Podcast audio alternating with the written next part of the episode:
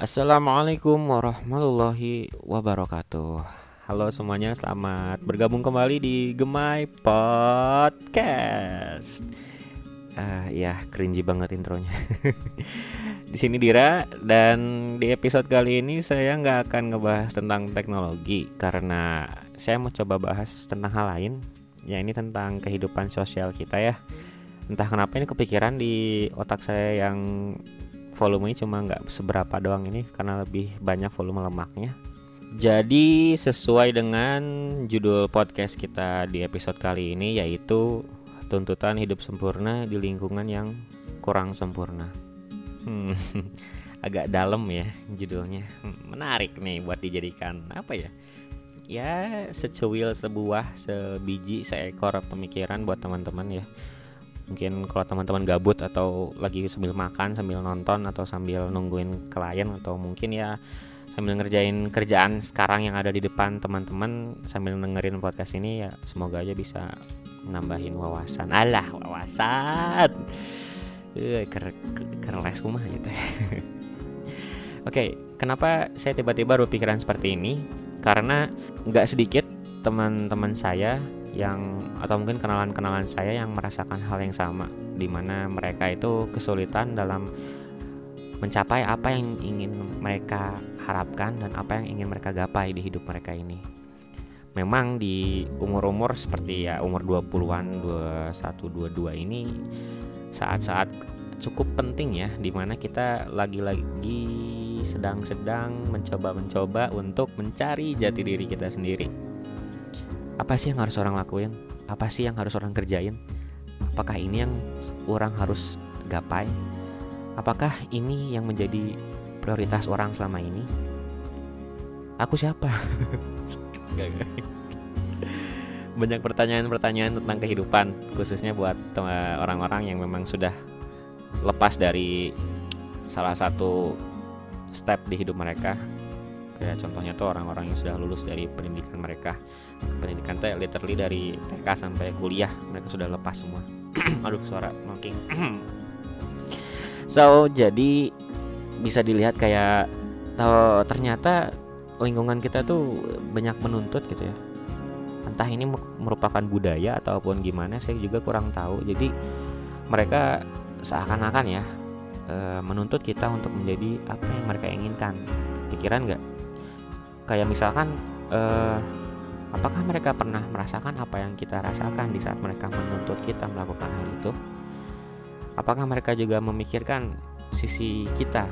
Apakah mereka juga mempertimbangkan apa yang kita rasakan di saat mereka meminta kita seperti itu? Ini nggak cuma di teman-teman ya bahkan di keluarga juga bisa gitu. ini kayak ibarat tuh contoh ya contoh. Kayak misalkan niatan mereka yang tidak mereka bisa dapatkan di saat mereka mempunyai waktu dan kesempatan sehingga mereka meneruskannya kepada kita gitu. Karena kita memang sebagai keluarganya ya lebih pantas lah kasarnya gitu kita dituntut misalnya e, kamu jadi ini aja ya kamu jadi ini aja ya jadi ini tuh lebih baik ini gini gini.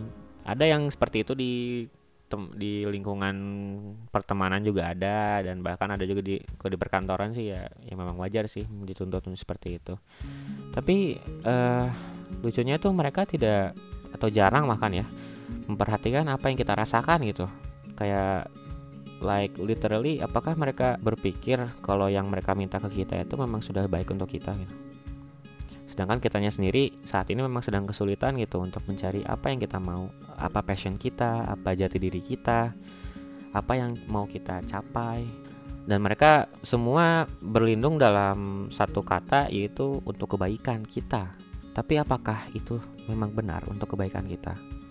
Karena kembali lagi, apabila kita berbicara tentang kesuksesan dan kebahagiaan yang memang sudah jadi tujuan hidup semua orang, apakah semua indikator bahagia dan sukses itu sama, rata untuk semua orang? Apakah semua orang bisa merasakan sukses dan bahagia apabila mendapatkannya dengan cara yang sama seperti orang lain? Apakah memang ini yang menjadi cara kita untuk bisa menggapai hidup bahagia dan sukses? Sedangkan kita tahu sendiri masing-masing individu itu unik gitu. Mungkin orang-orang bisa berkata cara A dan B itu adalah cara untuk mendapatkan bahagia dan sukses. tapi bagi diri kita sendiri bahkan lebih cenderung kepada cara D dan F yang di mana D dan F itu bagi mereka salah atau mungkin tidak tidak apa ya tidak pantas lah. Tapi kalau saya pribadi nih meskipun kita berbeda cara selama kita tidak merugikan orang lain kenapa tidak why not?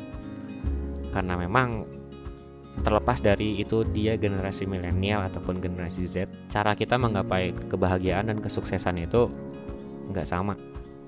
Semuanya ada waktunya. Karena mungkin teman-teman sendiri pernah uh, mendengarkan kalimat semua akan indah pada waktunya. Memang betul. Tapi mungkin akan saya tambahkan juga semua akan indah pada waktunya dan juga semua akan indah dengan caranya. Masing-masing. Seperti itu. Ah ya cukup menarik. Menirak. Ini menirak. Menirak. Ini ini uh, pemikir apa ya? Food of thoughts atau fruit of thoughts. Itulah namanya nggak ngerti oke okay, uh, eh, cukup sekian mungkin podcast episode kali ini karena saya coba untuk mengpress durasi supaya nggak ter terlalu lama juga didengerin sama teman-teman uh, oke okay, hope you enjoy dan mungkin bisa jadi bahan pemikiran buat teman-teman juga I'll see you in another episode. Oke, okay, akhirul kalam. Assalamualaikum warahmatullahi wabarakatuh. Gemai out.